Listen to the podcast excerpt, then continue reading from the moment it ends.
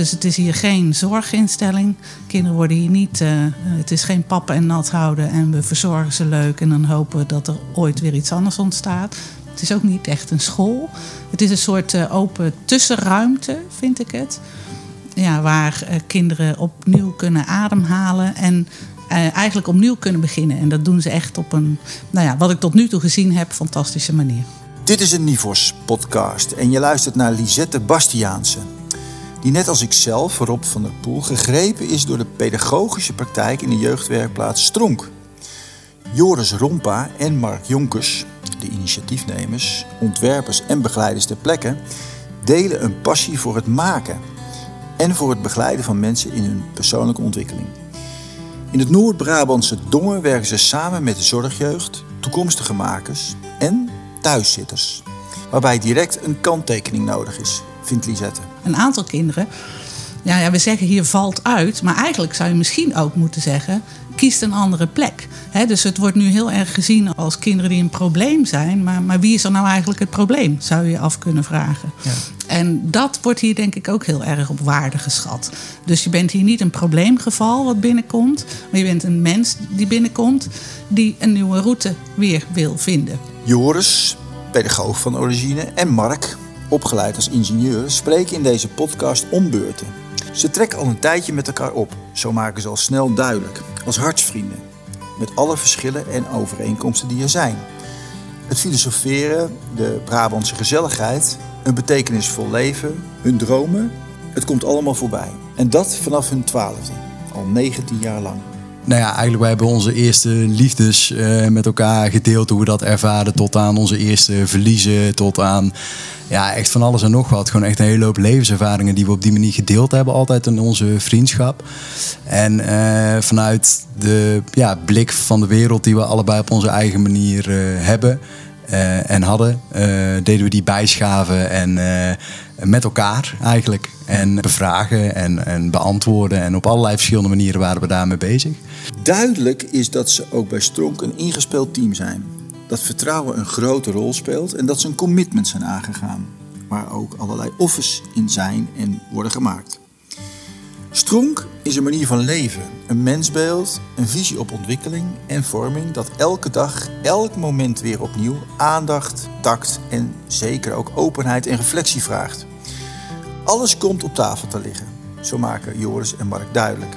Authentiek en zuiver. Wat we hier doen is iets dat raakt. En wat dat dan ook is, of, of dat nou het maken van die bankjes is, waar je vervolgens trots naast staat te- wezen, of kan laten zien aan je ouders dat je dat aan het doen bent, of de begeleider waar je weer een wandelingetje mee maakt door het dorp, of dat je uiteindelijk die stap maakt om toch weer een opleiding te gaan doen. Of eh, dat je misschien wel weer contact zoekt met je vader. Ja, we kunnen echt een miljoen dingen verzinnen hier, eh, wat het allemaal is. Ja. Dat je dat doet, wat raakt en dat dat raakt en dat je daar weer een volgende eh, stap in mag zetten. Eh, dat is iets waar we hier elke dag voor staan en wat we hier elke dag doen. En dat raakt ons ook elke dag. En daar zijn we heel eh, Ja. blij mee dat we dat mogen doen. Het komende uur luister je naar twee bevlogen praktijkmensen. Die hebben geleerd en nog steeds leren van dagdagelijkse interactie met jonge mensen. In dat opzicht niet anders dan zij zelf zijn. Een pedagogische context waar wellicht iets valt van op te steken. Voor leraren op basisscholen, middelbare scholen en in het beroepsonderwijs. Voor plekken waar mensen beseffen dat ze zich ten diepste aan elkaars uniciteit vormen en ontwikkelen. Veel luisterplezier. Ja, we kennen elkaar al een tijdje. Eh, ik ken jou, eh, Joris, of kennen, ja, wat is kennen, maar in ieder geval lopen we al een tijdje, komen we elkaar tegen en hebben we wat dingen gemaakt ook. En nu, sinds jullie stronk zijn eh, begonnen, de jeugdwerkplaats, ben ik hier voor het eerst. Terwijl dat, ja, jullie zijn al een hele tijd bezig. Mark Jonkers en Joris Rompa in Dongen. Vier jaar geleden, vijf jaar geleden. Eh, met een droom Waar begint dat bij jullie eigenlijk? Want jullie kennen elkaar nog al veel langer. Ja, onze, het, het leuke is wel om te weten. eh, mijn naam is Joris trouwens, even voor de stem. Dat is altijd handig om te weten natuurlijk. Hè? En even jouw stem, Mark, hebben die ook geleerd. Ja, eh, ik ben Mark Jonkers. Ja. Ehm, Mark en ik kennen elkaar al 19 jaar ondertussen. Toen wij 12 waren, toen eh, ontmoetten wij elkaar bij de percussieclub bij Muziek Sacrum. En uh, ja, Mark omschrijft dan altijd zo mooi. Hij deed al het uh, melodische werk eigenlijk, hè? of het uh, gebeuren. Wij kunnen ook altijd lekker zo Ja, eigenlijk alle randzaken. Waar Joris de drummer was, was ik degene die al het andere rondom dat drumstel moest doen als het om percussie ging. Alsof het nou een pauk was of inderdaad een, een marimba of iets wat wel gelezen moest worden, was Joris vooral aan het improviseren. En dat vulde elkaar toen al heel goed aan, ook muzikaal. ja.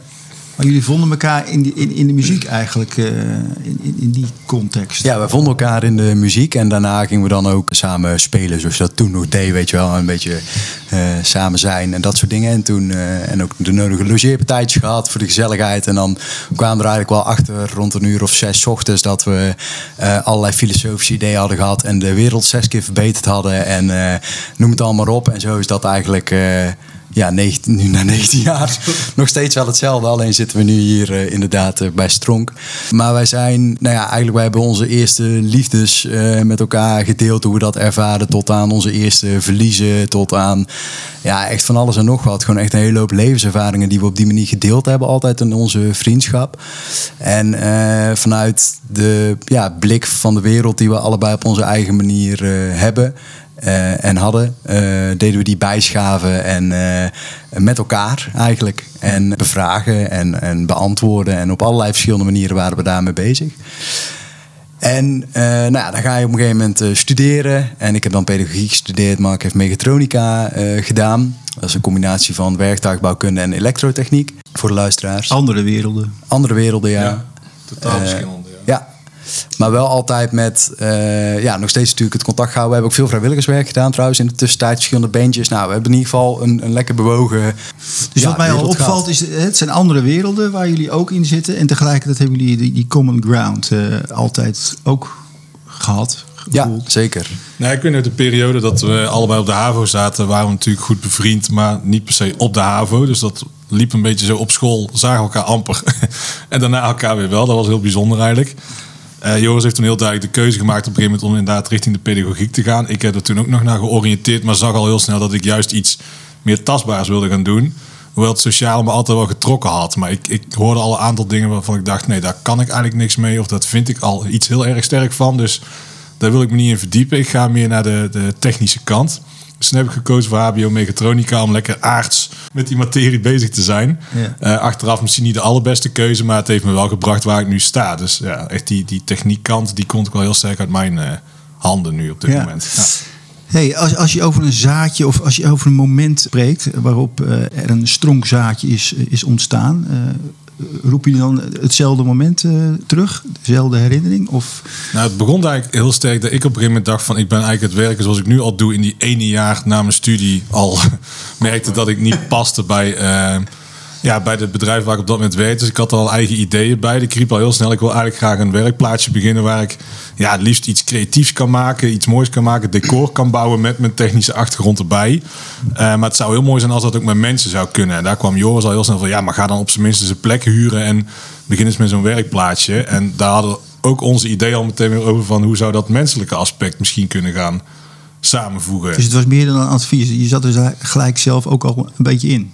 Joris? Ik denk wat, uh, er zijn een, een, een, aantal zaken. We hadden altijd samen al wel het idee in alles wat we deden van wij gaan iets doen, maar we weten niet precies wat, zeg maar. Dus dat zaadje was eigenlijk al heel vroeg geplant, zeg maar. Al in heel onze jeugd sluimerde dat al door. En uh, nou ja, dan ben je dus inderdaad klaar met studeren. En uh, ik had op een gegeven moment, uh, daar heb ik toen volgens mij ook bij het Nivels nog dingen over verteld, ook die, die kunstfabriek toen opgezet. Hè, dat kunsteducatieproject. Zeker. Voor twaalf basisscholen toen, bijna 1800 kinderen aan meegedaan. Ja. En toen merkte ik al, hey, ik mis een decorbouwer, weet je wel. Of ik mer ja, ik miste Mark gewoon ook al met, met zijn denken en wie die is gewoon en wat hij voor mij betekent ook. en hoe hij mij katalyseert. dat miste ik toen al heel erg. Uh, dus dat was al een idee van mij van, oh ja, als ik meer van dit soort dingen wil gaan doen, ja, dan wil ik toch wel. En Mark was dus al bezig met dat idee van dat decorbouwbedrijf en zo, ja, kwamen dingen eigenlijk al steeds een beetje meer samen.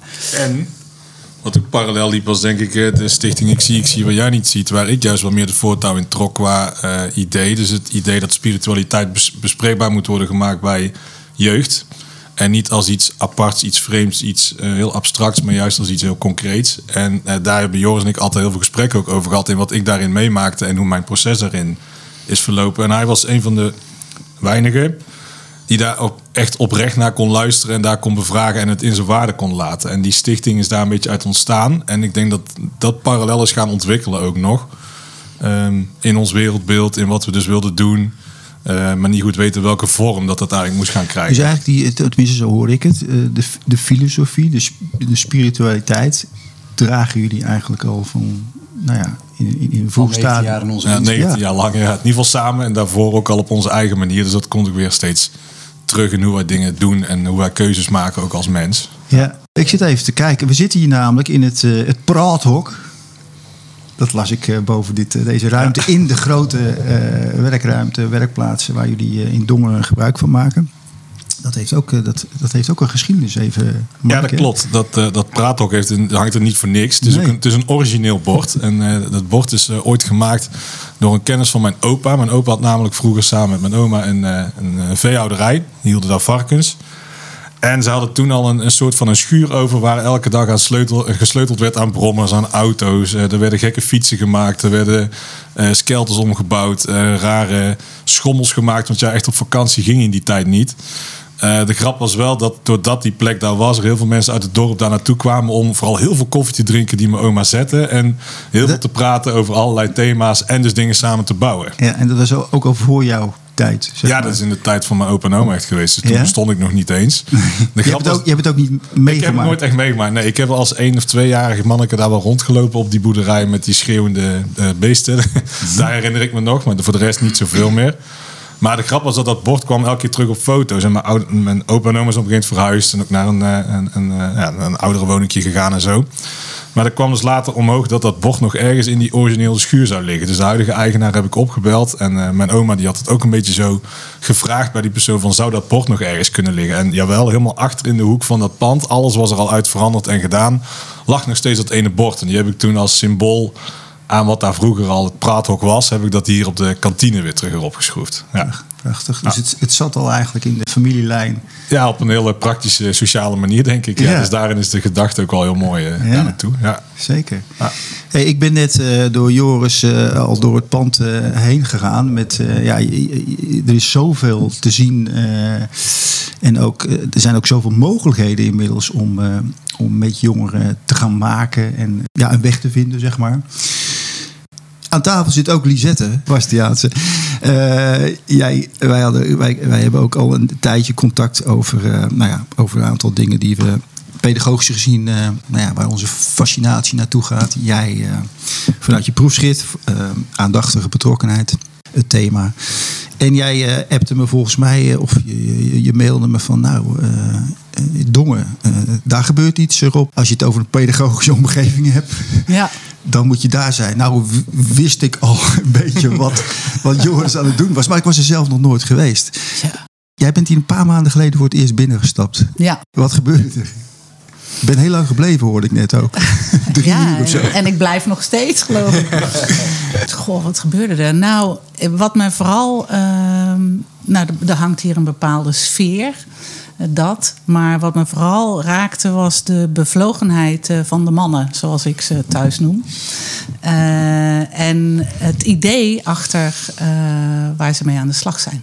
Dus, en dat hoorde je eigenlijk net in het gesprek ook al een beetje. Ze maken keuzes die iedere dag, denk ik, moet je aan hun vragen, maar dat idee heb ik iedere dag opnieuw keuzes, zodat ze dicht bij hun ideaal blijven en bij de waarden waar ze voor staan.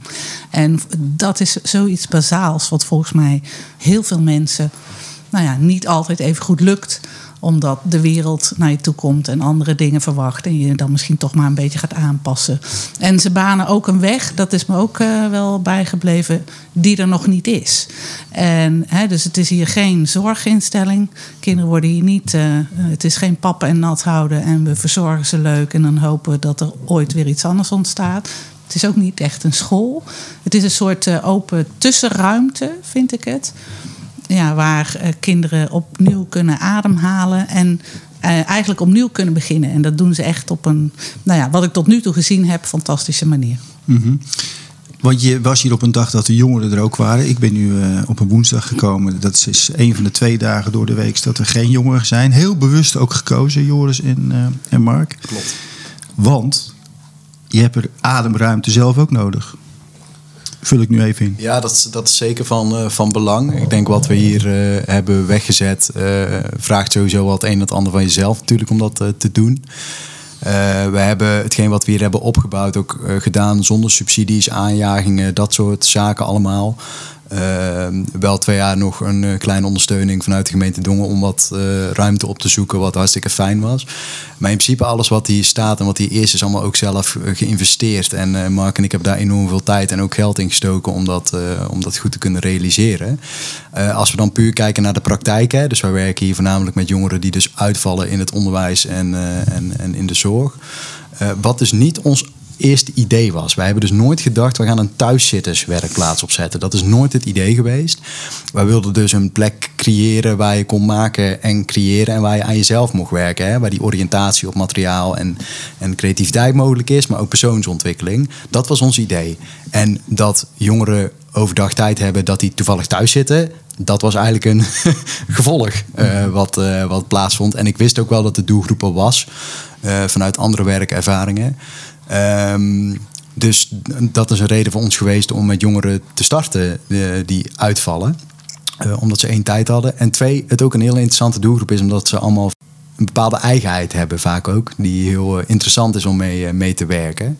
Ehm, en nu is het zo, nu zijn we dus na vijf jaar op een punt dat we dus eigenlijk op dit moment voornamelijk werken. nu alleen met jongeren die dus uitvallen. Maar dat is dus ja, dat is nooit het eerste idee geweest. Maar dat houdt in. We kunnen het hier natuurlijk gaan hebben over de thuiszitproblematiek en hoe het tot stand komt. Daar kan ik van alles over vertellen. Maar dat Eh, wil je niet. Eh, Nee, in eerste instantie nog niet. Ik denk dat eh, de, de kern van je vraag namelijk ligt in hè, waarom neem, hou je die ruimte? Ja. Je moet je voorstellen, gemiddelde jongere die hier eh, binnenkomt, daar zit wel gemiddeld acht man hulpverlening omheen. Dus dan heb je het over intern begeleiders, leerplichtambtenaren, eh, gedragspsychologen, ouders, mentoren, procesregisseurs, weet ik het allemaal wat. Zo kan ik nog het lijstje nog wel een beetje Die langer allemaal maken met die, dat kind, die allemaal met dat jongeren kind bezig gaan. Ja, tussen haakjes bezig zijn natuurlijk. Hè. De een wat meer dan de ander en soms ook echt helemaal niet. Terwijl er wel eh, zoveel mensen omheen zitten. Daar kunnen we het ook heel lang over hebben. Eh, maar daar moet je ook mee communiceren. Eh, en op het moment dat wij hier met jongeren aan de slag gaan, dan kunnen wij niet vergeten, en dat moeten wij ook zeker niet doen, dat daar een team van professionals omheen zit die daar al trachten mee bezig te zijn of poging doen ook om, om, om daar schot in te krijgen. Ja. Of het daar een hele goede bijdrage aan leveren, maar er is meer nodig. Of nou ja, et cetera, et cetera. Ehm, daar hebben wij die tijd ook voor nodig. Om, om dat systeem, zoals we dat dan eh, mooi zouden kunnen zeggen, de- Ja. eromheen ook te kunnen coördineren. En regie te nemen. En eh, op te kunnen schalen, af te kunnen schalen waar nodig. Ehm, en dat kan niet als, eh, als wij hier vijf dagen per week open zouden zijn. En wij zouden hier vijf dagen per week alleen maar met jongeren bezig zijn.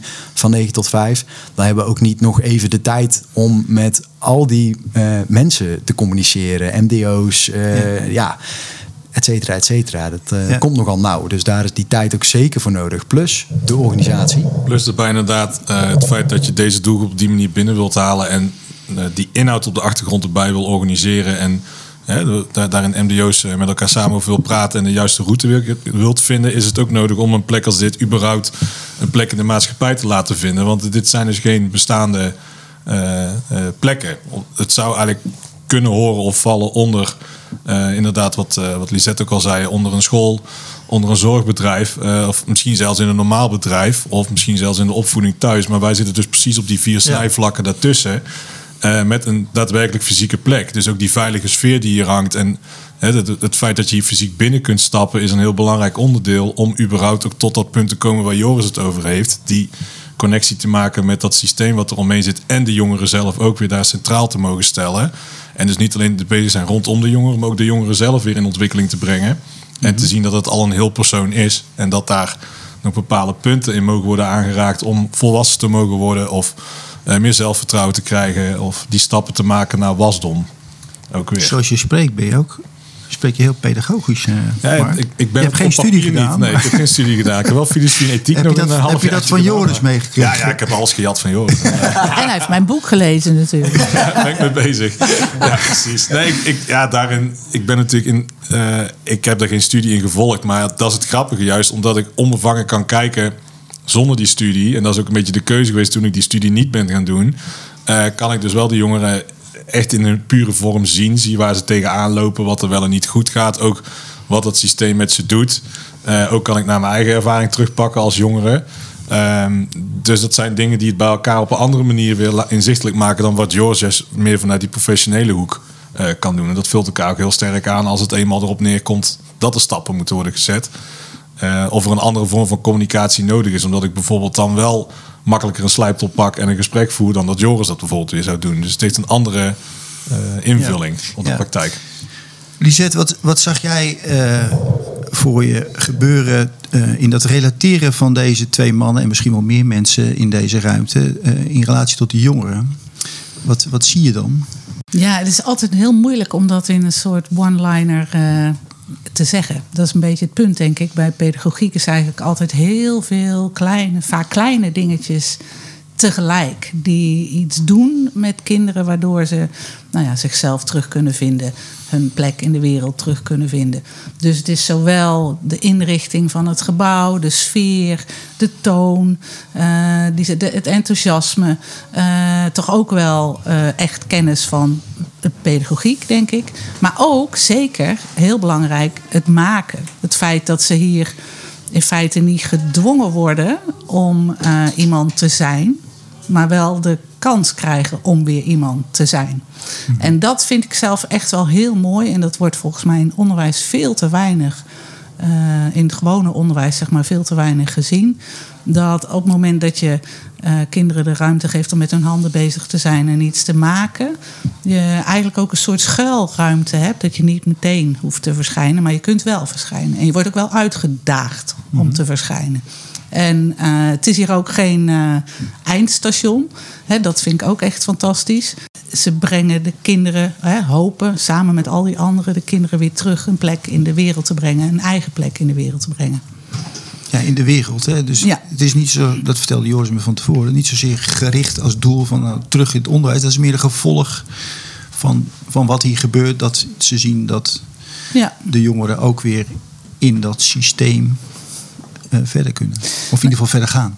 Ja, nou dat, het systeem is nogal, hè, dat, zijn we natuurlijk niet de eerste die daar iets over zeggen nu, dat het een vrij uh, overspannen systeem is, zou je misschien kunnen zeggen, met hele hoge eisen, een enorme controledruk. Uh, je moet steeds jonger iemand zijn, je moet je cv klaar hebben. Mijn eigen zoon ook, op zijn zestiende moet er een uitgebreid en liefst opvallend cv klaar liggen. Nou, zo zijn er nog heel veel factoren.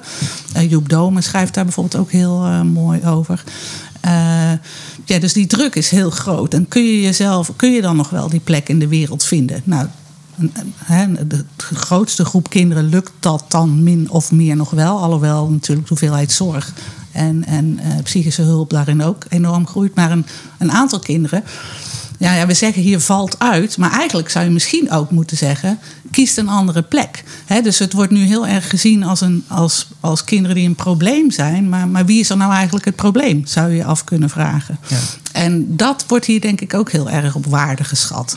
Dus je bent hier niet een probleemgeval wat binnenkomt. Maar je bent een mens die binnenkomt die een nieuwe route weer wil vinden. Ja. En uh, nou ja, dat is een enorme stap, denk ik, voor veel kinderen. Maar dat zou je aan hun uh, moeten vragen. Hè, aan Mark en Joris moeten vragen om hier naartoe te gaan. Uh, ja, en het is fantastisch als je ziet wat er dan gebeurt. Ja.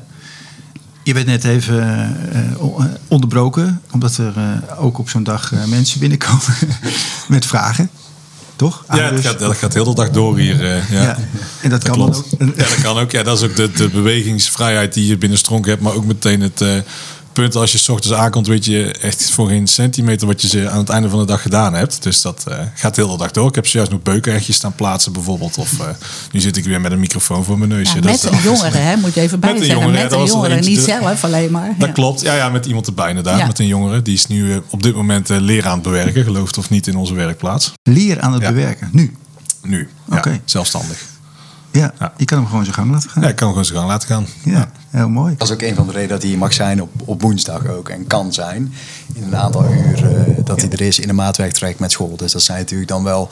Want we zeiden al van hè, op maandag en woensdag houden we die tijd ook uh, om te ontwikkelen. In dit geval uh, kan deze jongere hier ook goed zijn. Terwijl wij ook allerlei andere dingen aan het doen zijn. Dan maken we het ook mogelijk dat dat dat dat kan. En ik wilde daar eigenlijk nog een toevoeging geven aan wat Lisette zojuist zei. Ik denk ook wat heel eh, belangrijk is uh, aan die maandag en die woensdag voor ons. Uh, of die twee dagen dat we niet met jongeren werken. Dat ook. Kijk, wij begonnen toen we 5, 26 waren. begonnen we eigenlijk met stronken, met helemaal niks, letterlijk. En op een gegeven moment een mini-werkplaatsje van nog geen 45 vierkante meter. Ook wij zijn ja, ja, bijna moeten nog tot wasdom komen, hoe je het ook moet, moet zeggen. Zeg maar. Je bent zelf ook als mens ontiegelijk hard aan het ontwikkelen in wat wij hier aan het wegzetten zijn en hoe we dit uh, deze stichting ook en dit, dit initiatief tot wasdom hebben mogen laten komen. Wat uiteindelijk een stichting geworden is. Dan moet je allemaal achterkomen hoe je dat inrichten, et cetera, et cetera. Nou, nog niet spreken over veiligheid, arbo en zo kunnen we nog een hele waslijst aan dingen noemen.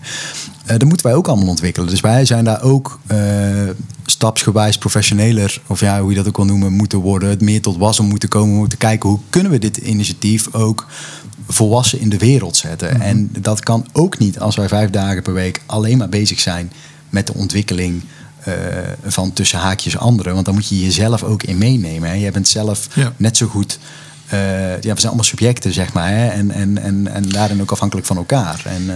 ja, dat, dat, dat, valt mij dus ook op. Dat je hè, het woord groeien. ik, ik proef niet dat jullie in die zin hoeven te groeien. Hè? Dat jullie heel bewust kiezen voor... hé, hey, nee, hier komen acht tot twaalf jongeren. Mijn vriendin die zei het gisteren heel mooi toen we op de bank zaten. Die zei op een gegeven moment ook van...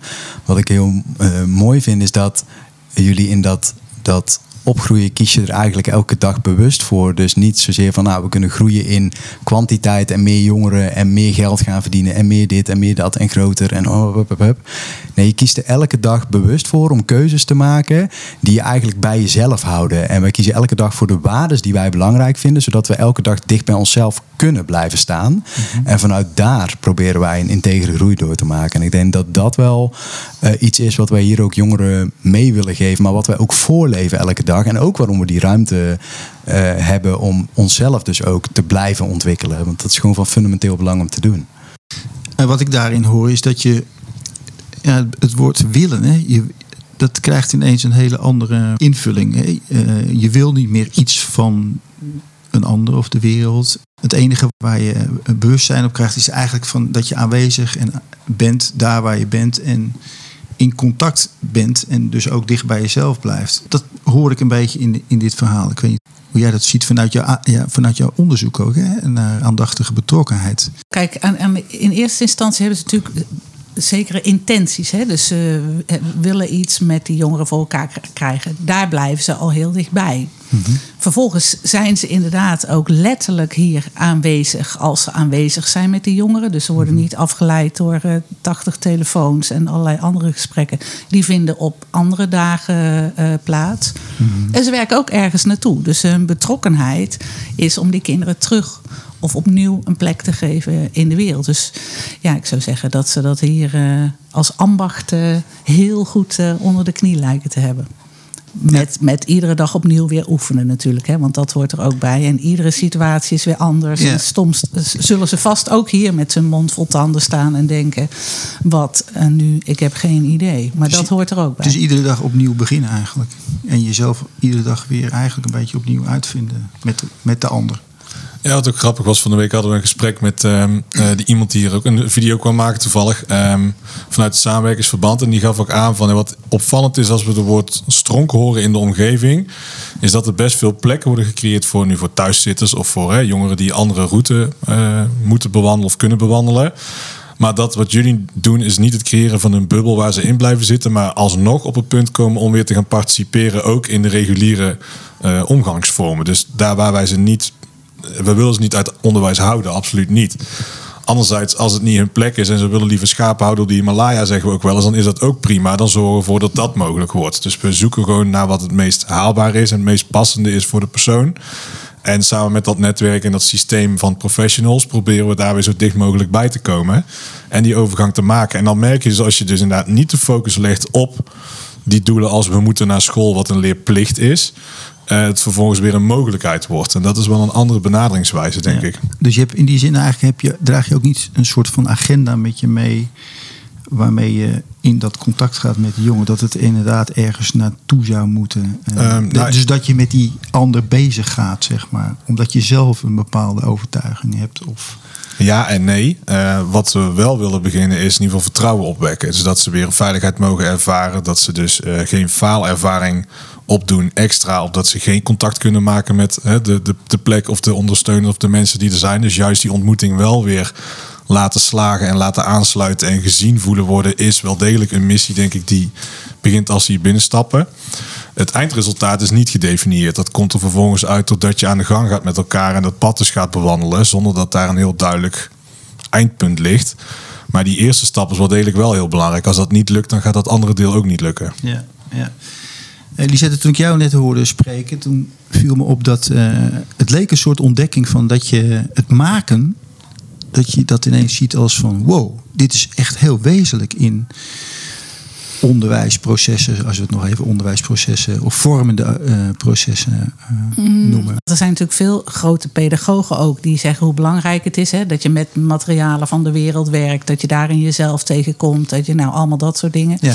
Eh, ik zie Joris knikken. Vrije schoolonderwijs is, hè, en, en ook andere vormen van, zeker basisonderwijs, daar, daar krijgt het wel een plek.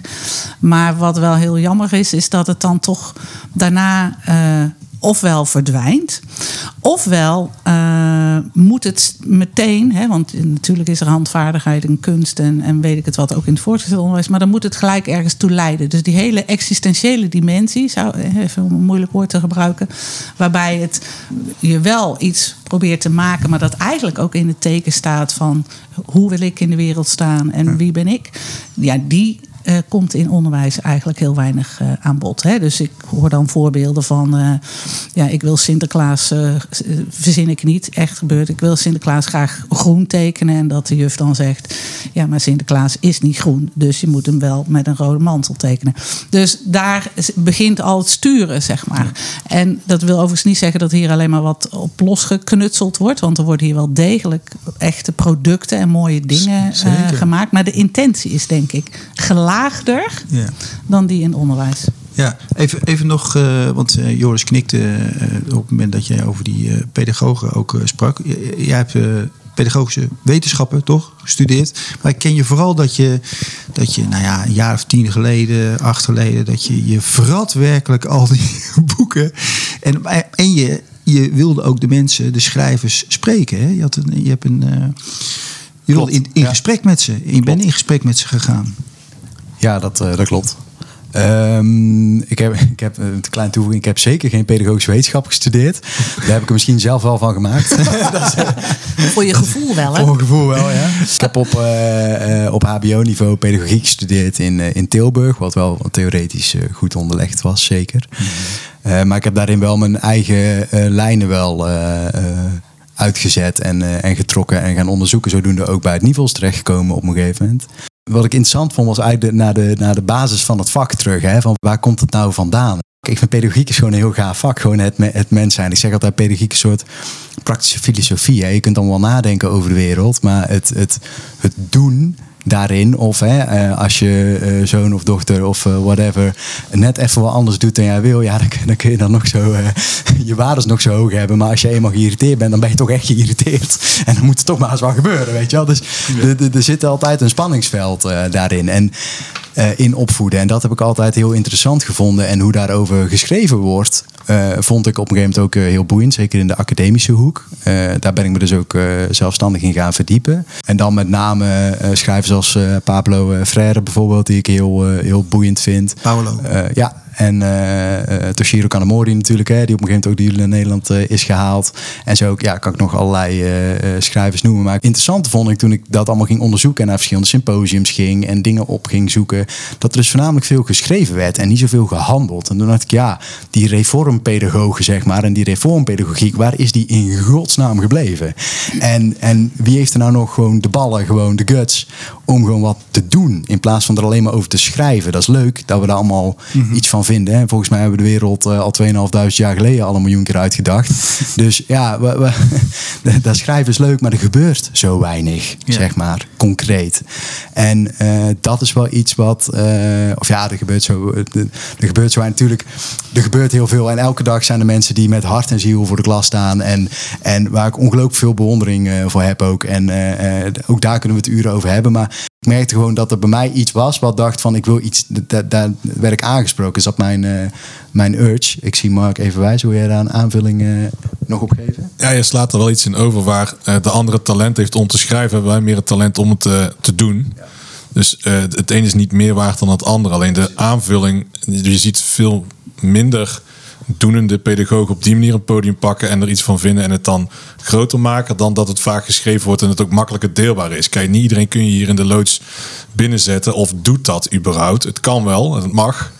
Maar het gebeurt minder snel dan dat je iemand een, een stuk tekst uh, kunt voorschotelen. Dus de deelbaarheid is wat anders.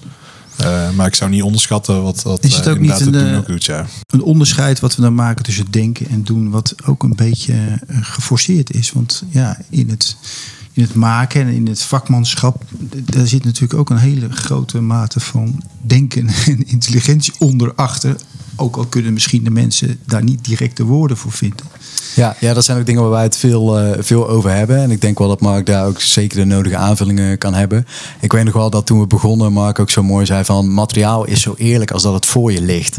Snap je? Dus zolang je er niks mee doet, als we hier dit theekopje hebben, dat blijft daar staan. Ik kan er, hè, wij kunnen het hier over dit ene theekopje wat hier staat, kunnen wij nu nou, nog een heel uur uh, vol praten over waar, welke kant we het op willen gaan zetten. Maar zolang ik het niet pak en hier wegzet, gebeurt het niet. Zolang ik het niet aanraak en bewerk, daar iets mee doe, zal het niet verplaatsen of zal er niks gebeuren. En ik denk dat dus in het, het, het maken en het bewerken eigenlijk van materie, uh, en vul me dadelijk aan alsjeblieft Mark, dat daar uh, ook een reflectie zit in wat de wereld ook is. En hoe materie ook reageert op jou en wie je bent en wat je doet en hoe je in de wereld staat. Ja. En wat je daar ook van kan, kan leren en en hoe, hoe je dat ook kan raken. En uh, hoe je dat kan bewegen, letterlijk. Ik heb de Lisette, gisteren was geloof ik, uh, een filmpje van wat rondom Jan Marcelijn is gemaakt. En waarin hij ons ook nog eens een keer wees op de film Le Vies. Ik weet niet of jullie dat wat zegt, maar het is een Belgische film inmiddels over twintig jaar geleden. Waarin een, een, man in een werkplaats met een jongere aan de gang gaat die, nou ja, misschien wel vergelijkbaar met uh, de jongeren die jullie hier uh, over de vloer krijgen. En, ze, en eigenlijk, of eigenlijk via zijn vakmanschap en de aandacht die hij zelf heeft voor het materiaal, zeg maar, en voor de materie, dat hij eigenlijk uh, de uitnodiging doet, en dat zijn mijn woorden dan, om dat serieus of zo, of, of daarmee in contact te komen. En daar dus inderdaad te ervaren wat daar in beweging of zo gebracht wil worden. En dat is eigenlijk een soort, wat mij betreft, een, een wijze op de wereld die ook in die materie uh, gerepresenteerd wordt. En het materiaal wat, wat buigzaam is en wat, wat ook met je spreekt, zeg maar. Ja, je hebt, het is bijna letterlijk objectiveren van wat je ook in je hoofd kunt doen. Dus op het moment dat je inderdaad een stuk ijzer pakt en je verbuigt het, dan zul je merken dat als je tien keer buigt, het op een gegeven moment afbreekt. Dus je kan hele theoretische processen kun je heel beeldend maken, heel tastbaar maken. Je kan zien dat iets kapot gaat, het heel wordt gemaakt, dat dingen fout gaan. Dat onherroepelijk gebeurt, dat kun je ook niet voorkomen. Dus je moet ermee om leren gaan. En wat grappig is aan, aan dat maken en dat creëren. Hè, je kan dan twee paden bewandelen. Je kunt het vanuit je eigen willen iets doen. Dus je kunt zelf creërend werken uit je hoofd. Iets wat je wil verbeelden. Een andere manier van communiceren bijvoorbeeld gebruiken. Omdat taal misschien je minder ligt. Aan de andere kant is het ook iets wat nodig is. Er zijn ook vragen van buitenaf. Uh, waarbij je het gewoon als een opdracht kunt uitvoeren. Dus dat is ook precies de tweeledigheid die we in de werkplaats hebben. Een beetje het broedplaatsidee. Het zelf broeden, oriënteren, proberen, creatief maken.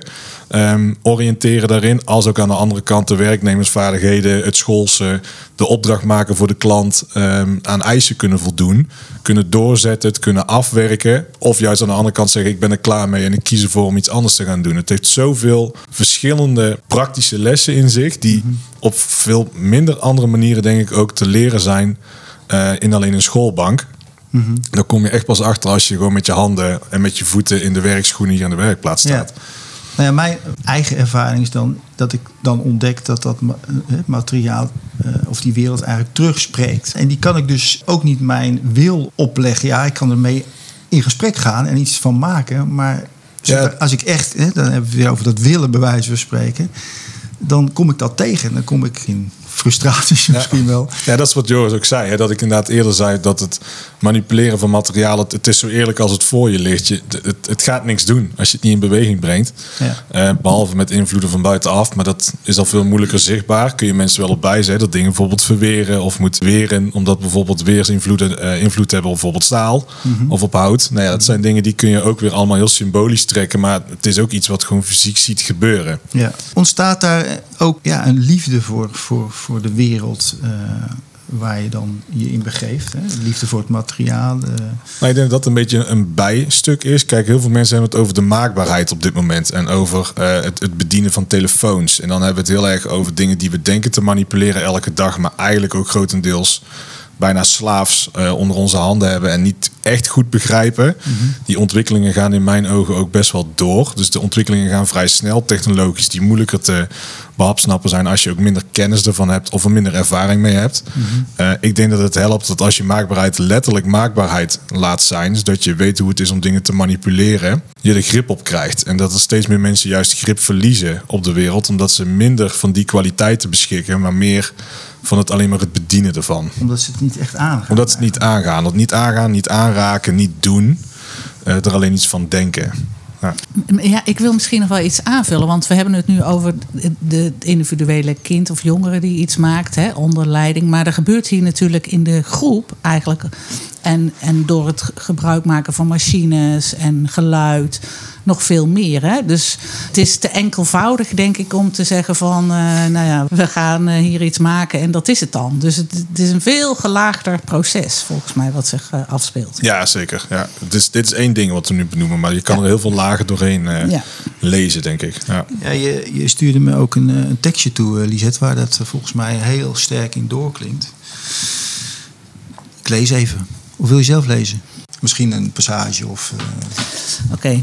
Eh, het gaat over gisteren. Ik was hier gisteren en ik stond hier even te wachten. Al wachtend bij de ingang van de toch op zijn minst frisse maakhal zie ik tussen de werkbanken her en her en der opgestapelde materialen in verschillende hoekjes en gaten plukjes mensen aan het werk. Een oudere man legt, daarbij veelvuldig gebruikmakend van handgebaren, een jongere iets uit. Ik kan niet horen wat. Een best heel stoer geklede jonge jongen, getooid met spliksplinternieuwe werk overal, een hoogmodel werkschoen en dito pet. Ik vermoed zomaar dat zijn moeder hem hierbij geholpen heeft. Loopt ondertussen op zijn gemak richting wasbak. Er wordt hier gewerkt. Maar tegelijkertijd, zo proef ik tussen de regels door, gebeurt er, gebeurt er hier veel meer. Op de een of andere manier nodigt en daagt de ruimte uit, zo merk ik bij mezelf, tot het ervaren van een soort innerlijke vrede. Warm, maar niet af nog opgesloten. Bezig, levendig, maar tegelijkertijd door het geluid heen stil en zonder haast. Het betreft een sfeer die me doet denken aan de autogarage van mijn oom, vroeger. Met de geur van rubberbanden en her en der klussende mechaniciens. Echt, aards, de basis. Waarbij levendige drukte zich lijkt te kunnen verenigen met totale ongehaastheid. En de altijd aanstaande radio zachtjes de wereld van alle dag binnenbrengt. Wat maakt dat ik deze welkome, rustige, maar toch tegelijkertijd levendige wereldse sfeer hier bij Stronk eveneens ervaar? Komt het door de her en der op de muren aangebrachte graffiti die zorgt dat deze werkplaats zijn maakkleur bekent? Of zijn het toch meer de gul door de dakramen naar binnen schijnende zonnestralen die ervoor zorgen dat een bezoeker zich hier open, puur en hartelijk ontvangen voelt? En wat doet het zacht zoemende geluid van machines met jonge mensen? Is het niet zo dat je in zulke geluiden als mens als het ware een keuze hebt? Dat je kunt kiezen om nog heel even onzichtbaar te blijven en in het geluid te verdwijnen. Maar dat je er ook voor kunt kiezen om jezelf juist boven de machines uit te laten horen en zien. Hé, hey, ik ben het die deze mooie kapstok aan het maken is. Kijk eens. Ja. Alles doet mee. Tenminste, dat hoor ik. Ja. Eh, alles doet mee. En hè, nu jij dit zo ook weer opleest of op vertelt. De neiging om iets te fragmenteren of iets terugbrengen tot alleen maar een relatie tussen ik en de ander, zeg maar. En het daarin te zoeken. Die is zo sterk. Ik hoor het mezelf ook eigenlijk doen. Hè? Toen we net even spraken over die materie en hoe je daar dan mee in gesprek bent. Maar er is zoveel meer. Ja, dat is denk ik. eh, eh, pedagogiek is niet magisch in de zin dat je, eh, dat je daar geen. Hè, dat je dat niet kunt leren of dat je je niet bewust kunt worden van je drijfveren. Nou, dat, dat allemaal wel. Maar tegelijkertijd is het iedere keer weer anders en komen er zoveel dingen samen of niet samen. En je weet vaak pas achteraf wat en of iets iets gedaan heeft. Hè? Dus ik interpreteer deze ruimte vanuit mijn staat van zijn op dit moment op deze manier. Ja. En dat wisselt natuurlijk ook nog heel erg. Daar waar geluid voor mij fijn is om in weg te kruipen, is het voor iemand anders misschien te veel of te hard. En dat is denk ik de kunst van de mannen hier. Om dat ook iedere keer weer goed af te stemmen. En goed te kijken naar wie heb ik voor me. Hoe zit ik zelf in mijn vel vandaag. eh, wat gaan we er vandaag eens van maken. En dan iedere keer opnieuw een ongebaand pad te vinden. Want zo gauw als je probeert te grijpen en zegt van nou, als we iedere dag maar gewoon beginnen met dit of dit of dat, dan komt het allemaal goed. Dan is de kans dat je weggaat bij, bij eh, het echte pedagogische heel groot. Want dan ga je namelijk instrumentaliseren en dan ben je precies kwijt wat nou maakt dat het doet wat het doet. Ja. En toch zijn er ook vergezichten, toch? Eh, ja, eh, ik zeg het wel heel stellig, maar besef ik ja, we hebben, we hebben eh, dromen, mogelijkheden, kansen die we zien genoeg natuurlijk eh, en, eh, en in overvloed. Ehm, dus het is meer de vraag wat, eh, waar we de tijd vandaag gaan halen om het allemaal te doen. En, eh, en de rust gaan hebben om dat ook allemaal uit te kunnen gaan voeren. En eh, samen met anderen ook. Nou, dat is ook wel even wat, ik, wat mijzelf opvalt, is dat er inmiddels, ik zit natuurlijk van afstandje, heb ik wat dingen gezien die online al verschijnen. Er is beweging gekomen. Ook, ik, ik ervaar jullie een beetje dat jullie echt in, een- in een soort omgeving ook, dat er echt een relatie is aan het ontstaan met een heleboel andere mensen hier, lokaal, maar ook daarbuiten. Waarbij je voelt van, hé, hey, dit wordt ineens door, door meer mensen eh, gedragen ook. En dat biedt natuurlijk ineens een, een, een, perspectief. Maar, ja, kijk naar de, de plek nu. Hè. We hebben altijd gezegd, we willen niet per se in kwantiteit groeien, maar in kwaliteit. Dat betekent dat we willen weten wat we eigenlijk aan het doen zijn. Dat willen we ook op kunnen schrijven. We willen dat elke dag ook meteen weer doorontwikkelen. Zo dicht mogelijk met onszelf, maar ook in relatie tot wat de vraag van de maatschappij is. En die verandert ook natuurlijk best wel snel. Eh, dat maakt dat dit nooit een vaste vorm gaat krijgen, maar het krijgt wel een soort rode draad die we inmiddels ook aan het beschrijven zijn. En wat je ook als een blauwdruk zou kunnen gaan gebruiken voor mogelijk andere plaatsen. Dus je kunt jezelf voorstellen dat juist een lokaal kleinschalig initiatief als dit eh, met zijn of haar impact eh, ook goed deelbaar zou kunnen zijn op andere plekken. Niet dat wij zelf per se die plekken willen opzetten. Wij willen vooral deze plek goed opzetten en dus in kaart brengen wat nou die succesfactoren daarvan zijn. Ja. En, en mij werd ook getoond dat eh, Joris nam, je nam me mee naar, dat, naar de nieuwe ruimte, het atelier, wat ook weer een, volgende stap is in jullie, nou, in de mogelijkheden die hier zijn. Jullie zaten natuurlijk heel, heel nadrukkelijk in de, in, in de metaalbewerking, het hout, eh, werken met hout, grote stevige materialen. En daar komt het, komt het fijnere werk volgens mij eh, om de hoek kijken. Klopt, ja, we hebben eh, de, de werkplaats zoals we die eh, benoemen. En als we hier naar links kijken, zo'n 375 vierkante meter met hout, metaal, elektronica, dat soort zaken allemaal. Merkten we ook dat we het kleinere, fijnere werk eh, wat meer aan wilden pakken. Dus ook eh, eh, wat eh, kleinere dingen als, eh, eh, als leersnijden, eh, spekstenen, maar ook eh, tekenen, eh, schilderen, zeefdrukken ook eh, in dit geval, eh, kleine ambacht eh, dingen. Ehm, 3D eh, ja, allerlei gewoon kleinere, fijnere werkzaamheden om ook een grotere doelgroep aan te kunnen spreken, die, die daar ook behoefte aan hebben. Omdat we merkten dat de werkplaats aan zich daar wel ruimte voor had, maar ja, dan moet je elke keer weer opruimen en weer dit en weer dat. En ook het stukje groen onderhoud, wat we inderdaad ook nog wel doen. Maar het is natuurlijk het. Ik denk waar, eh, waar we ook nog naartoe willen. Want dat was natuurlijk de vraag: hè, van wat zijn de vergezichten? Ik vond het heel leuk erop toen je hier binnenkwam, vroeg je ook van: jongens, waar zijn de muziekinstrumenten? Hè? Want ja, jullie zijn natuurlijk begonnen met. eh, eh, bij- ja, bij, bij de muziekvereniging. Ja, dat zijn allemaal dingen die we heel graag zouden willen, ook wel in de toekomst. En dat soort zaken. Maar je kunt gewoon niet, als we kijken hoeveel werk het is geweest al om, en nog steeds is, om een werkplaats als dit van 375 vierkante meter te kunnen draaien. Ehm, met de doelgroep die we nu hebben binnenstaan en de, en de ambitie überhaupt om Stronk als levensvatbaar in de wereld te mogen zetten. Dat is al een enorme uitdaging geweest. En we zijn ongelooflijk trots dat we op een punt zijn gekomen dat we kunnen zeggen dat dat eh, inderdaad het geval is dat het hier staat, dat we hier deze podcast nu op kunnen nemen, maar ook dat we samenwerkingen hebben met de regio Hart van Brabant en eh, samenwerkingen met de gemeente Dongen beginnen te komen en, en dat soort zaken. En als je dan ook nog vraagt naar die vergezichten, ja, eh, het liefst zou hele park waar we hier op zetten, zouden we echt allerlei kleine plekken met theater en met muziek en, met, en dan kun je allemaal door elkaar vlechten en doen en dan, ja, daar kun je één grote speelomgeving van maken, tuurlijk. Maar ja, laten we vooral beginnen bij het begin, eh, Rob. Ja. nou, over dat begin gesproken, dan wil ik toch nog even de luisteraars wijzen op de, op de, de vlogs die vier jaar geleden eh, ooit zijn gemaakt, waar je echt in de beginfase Ja. zat en eh, waar je ook echt kan voelen dat jullie in de droom zaten en ongelooflijk veel ja, ook weerstand tegenkwamen eh, met allerlei instanties. Hè. Ehm, dus dat het, ja, dit heeft een toewijding gevraagd en een, een commitment ook naar elkaar toe, eh, volgens mij naar jezelf toe, maar ook naar elkaar toe, om, om, om dit eh, te laten gebeuren. Eh, dus wat mij betreft ongelooflijk veel respect wat jullie aan het doen zijn. En tegen, tegen alle heersende systemische krachten in.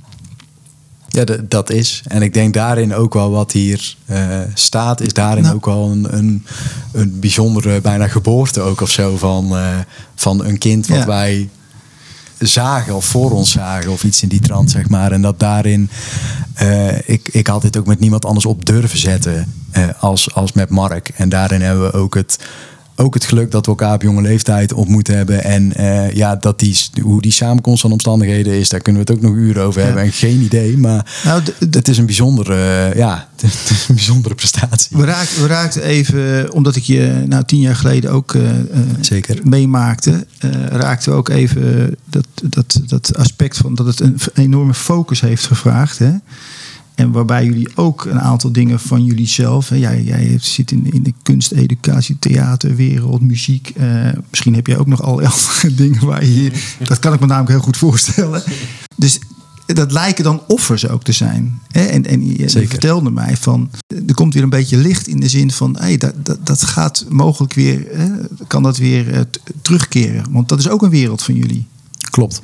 Ja, of zoals ik het dus net tegen jou zei, als wij staan nu eigenlijk eh, in onze eigen werkplaats in een bijna meest ideale plek die we zelf hadden kunnen bedenken, zeg maar. Daar sta je nu. En voor ons gevoel staan we, als het op creativiteit aankomt, op 5% van ons kunnen eigenlijk met wat we hier nu doen. Eh, maar hebben het wel voor elkaar gekregen om het hier weg te kunnen zetten. En daar zijn inderdaad flinke offers eh, voor geleverd. Ook zeker in onze privé. Ja, klopt op allerlei verschillende manieren. En ook dat hebben we altijd heel open gecommuniceerd. Ook met onze eigen omgeving. En ook eh, eh, hulp gevraagd waar nodig. Vo- Voelen we ook heel veel ondersteuning en heel veel eh, dankbaarheid. En ja, dat, dat, dat zijn hele belangrijke factoren die er allemaal aan bijdragen. Wat ook een opvoedkundig geheel is.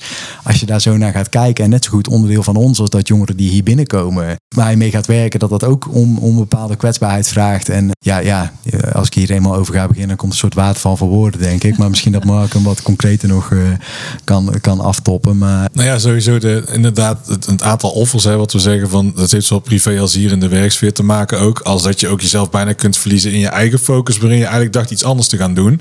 Nu in een, een beetje een rust belanden, waarin we ook weer terug beginnen te grijpen naar de eerste ideeën van vier, vijf jaar geleden. En ook denken, oh ja, daar moeten we ook nog steeds wat mee. Of daar vinden we eigenlijk wat van. Of daar kunnen we nu ook misschien nu wel iets mee, waar we dat in het begin nog niet konden. Dus dat is ook een interessant proces. Parallel daaraan eh, laat ik dan voor mezelf spreken ook. Hè. We hebben niet de meest ideale woonsituatie nu vanwege ons inkomen. Eh, we ook aan het zoeken zijn naar daar een stukje stabiliteit en een eigen thuis. Eh, maar dat neem je ook mee naar je werk. Dus waar jongeren bijvoorbeeld, en dat vind ik altijd een, een, wel een, ook wel een grappig contrast in Nederland ja, hulpbehoevend kunnen zijn en daar bijvoorbeeld ook een woonruimte voor kunnen eh, krijgen. Zo kunnen wij dat niet. Dus wij zitten hier tegenover mensen die een, woonruimte aangeboden krijgen eh, en ondersteuning. Terwijl eh, de mensen die het hier op die manier als plek aan het faciliteren zijn, daar eigenlijk geen aanspraak op kunnen maken en het zelf maar moeten uitzoeken. Daar ook wel een hele harde keerzijde is, vind ik, van wat nu op dit moment ook zorg en, en, en ondersteuning biedt naar de gemiddelde Nederlander. Dus daarin zijn we absoluut niet zielig. We zijn heel sterk in wat we daarin doen. Maar het zijn wel opvallende contrasten die je ook gewoon letterlijk hier aan de tafel tegenkomt. En bespreekbaar maakt. En het daar ook met elkaar ook eerlijk over hebt. En dus ook de ander mag bevragen op, is dat dan ook hetgene wat je wil? Hè, wil je dat dan ook ontvangen of is het passend? En aan onze kant ook moeten wij ook niet wat meer aan onszelf gaan denken. En daar begint ook stappen in gaan zetten. Dat kan ook pas ja, als je inderdaad die eerste fase door bent gekomen. Dus dat begint nu eindelijk een beetje te, te draaien. Ja. Lisette, jij bent hier dus twee maanden geleden, geloof ik, eh, voor het eerst binnengelopen. Je komt hier nu vaker. Ja.